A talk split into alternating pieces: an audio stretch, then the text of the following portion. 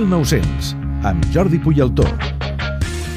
Com sempre, fem un passeig per la memòria, per la història, per amb el Jordi Puyaltó. Jordi, què tal? Bona tarda.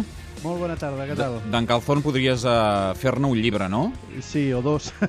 O, o tres, eh? Una enciclopèdia Sí, gairebé, sí, perquè sí, sí. 33 anys... Sí, perquè amb totes les anècdotes que ha viscut aquest home, de veritat que es podria fer una enciclopèdia. Planteja tu, planteja tu que això tindria sortida segur i seria molt atractiu. Potser sí. Però d'entrada ens, eh, ens hem de remuntar a l'any o a la temporada 61-62, no? Per a trobar Exactament, sí. enfrontaments Espanyol-Valladolid amb, amb suc.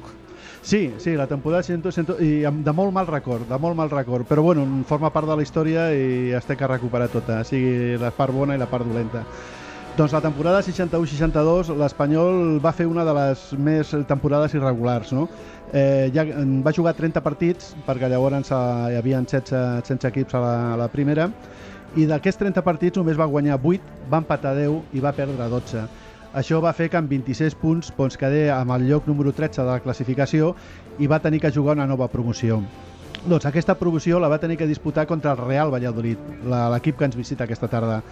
Les expectatives eren bones, perquè és que en aquella mateixa temporada, la 61-62, ja s'havien eh, trobat a la, a la Copa. Al mes de febrer, als 700 de final, va, va tocar un Espanyol Valladolid sense cap mena de problemes, es va empatar 3 a 3 a Zorrilla i a Sarrià es va guanyar amb un 2 a 1 justet, però sense cap mena de problemes, i això va fer pensar doncs, que, que bueno, com ara la promoció tornava a tocar amb el Valladolid, doncs que no hi havia problema. I n'hi va haver de problema, eh? I va haver-hi molt, sí. Es va fer el sorteig i va tocar primer jugar a, a Sarrià. Va jugar el 29 d'abril del 62 i les coses van començar molt bé. Al minut 27, el jugador que es deia Indio va aconseguir el 1-0 i l'àrbitre, que era el senyor Gardiazabal, a poc d'iniciar la segona part, doncs va xiular un penal a favor de l'Espanyol. El va llançar, llançar un jugador que es deia Carranza, fluixi pel centre, i el va aturar sense cap mena de problemes al porter del Valladolid, que hagués pogut representar el 2 a 0.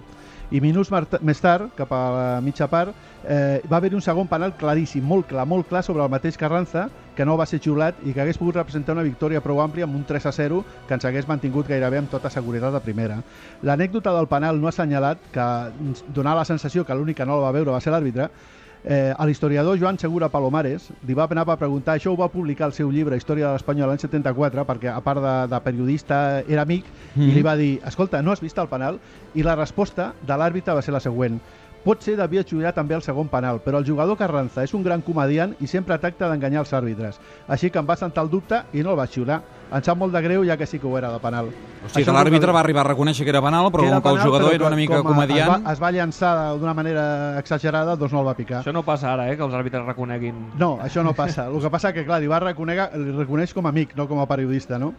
De tal manera que amb un ajustadíssim 1 a 0, que on es preveia que el, el resultat aquí seria molt més folgat, doncs va tenir que anar a jugar el partit de tornada a Zorrilla. Es va jugar el 5 de maig del 62. L'anècdota és que quan estaven ja uniformats, amb les fotos fetes i tal, l'Espanyol anava de blanc, llavors l'àrbitre, el senyor Virigai, va obligar a canviar les samarretes a l'Espanyol, es va tenir que retrasar el partit i van jugar amb, amb samarreta vermella i pantalons blaus.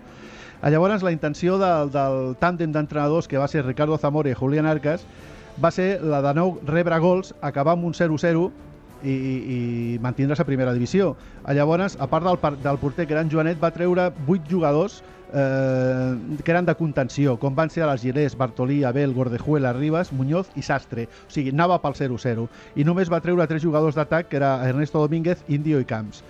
Clar, què va passar? Que en el minut 28 el Valladolid va marcar l'1-0, igualant l'eliminatòria i tot allò se'n va anar fent orris. Llavors, mm, el que va fer és els tres jugadors que estaven d'atac els van radarit i tota la segona part a l'Espanyol va estar, eh, que no va passar al mig del camp, intentant arribar al minut 90 per provocar un tercer partit a camp neutral i llavors fer un altre plantejament inicial. Però què va passar? Que en el minut 92, gairebé al 93, el jugador del Valladolid, Rodilla, José María Sánchez Rodilla, va anotar el 2 a 0, que resultava definitiu que ens va enviar l'Espanyol per primera cop a a la nostra història a segona divisió.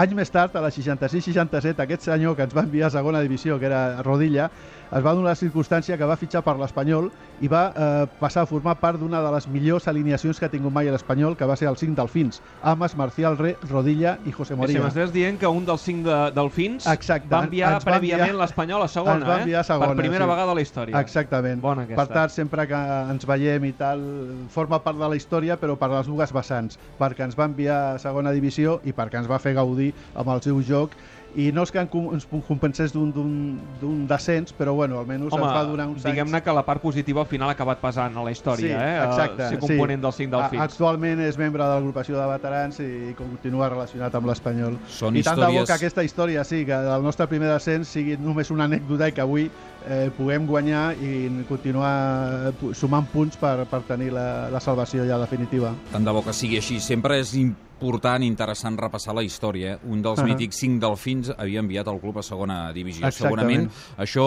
els més joves i no tan joves, com és el meu cas, no ho sabíem. I avui, gràcies al Jordi Puyoltó, ho hem sabut. Jordi, moltíssimes gràcies i que A avui l'Espanyol guanyi.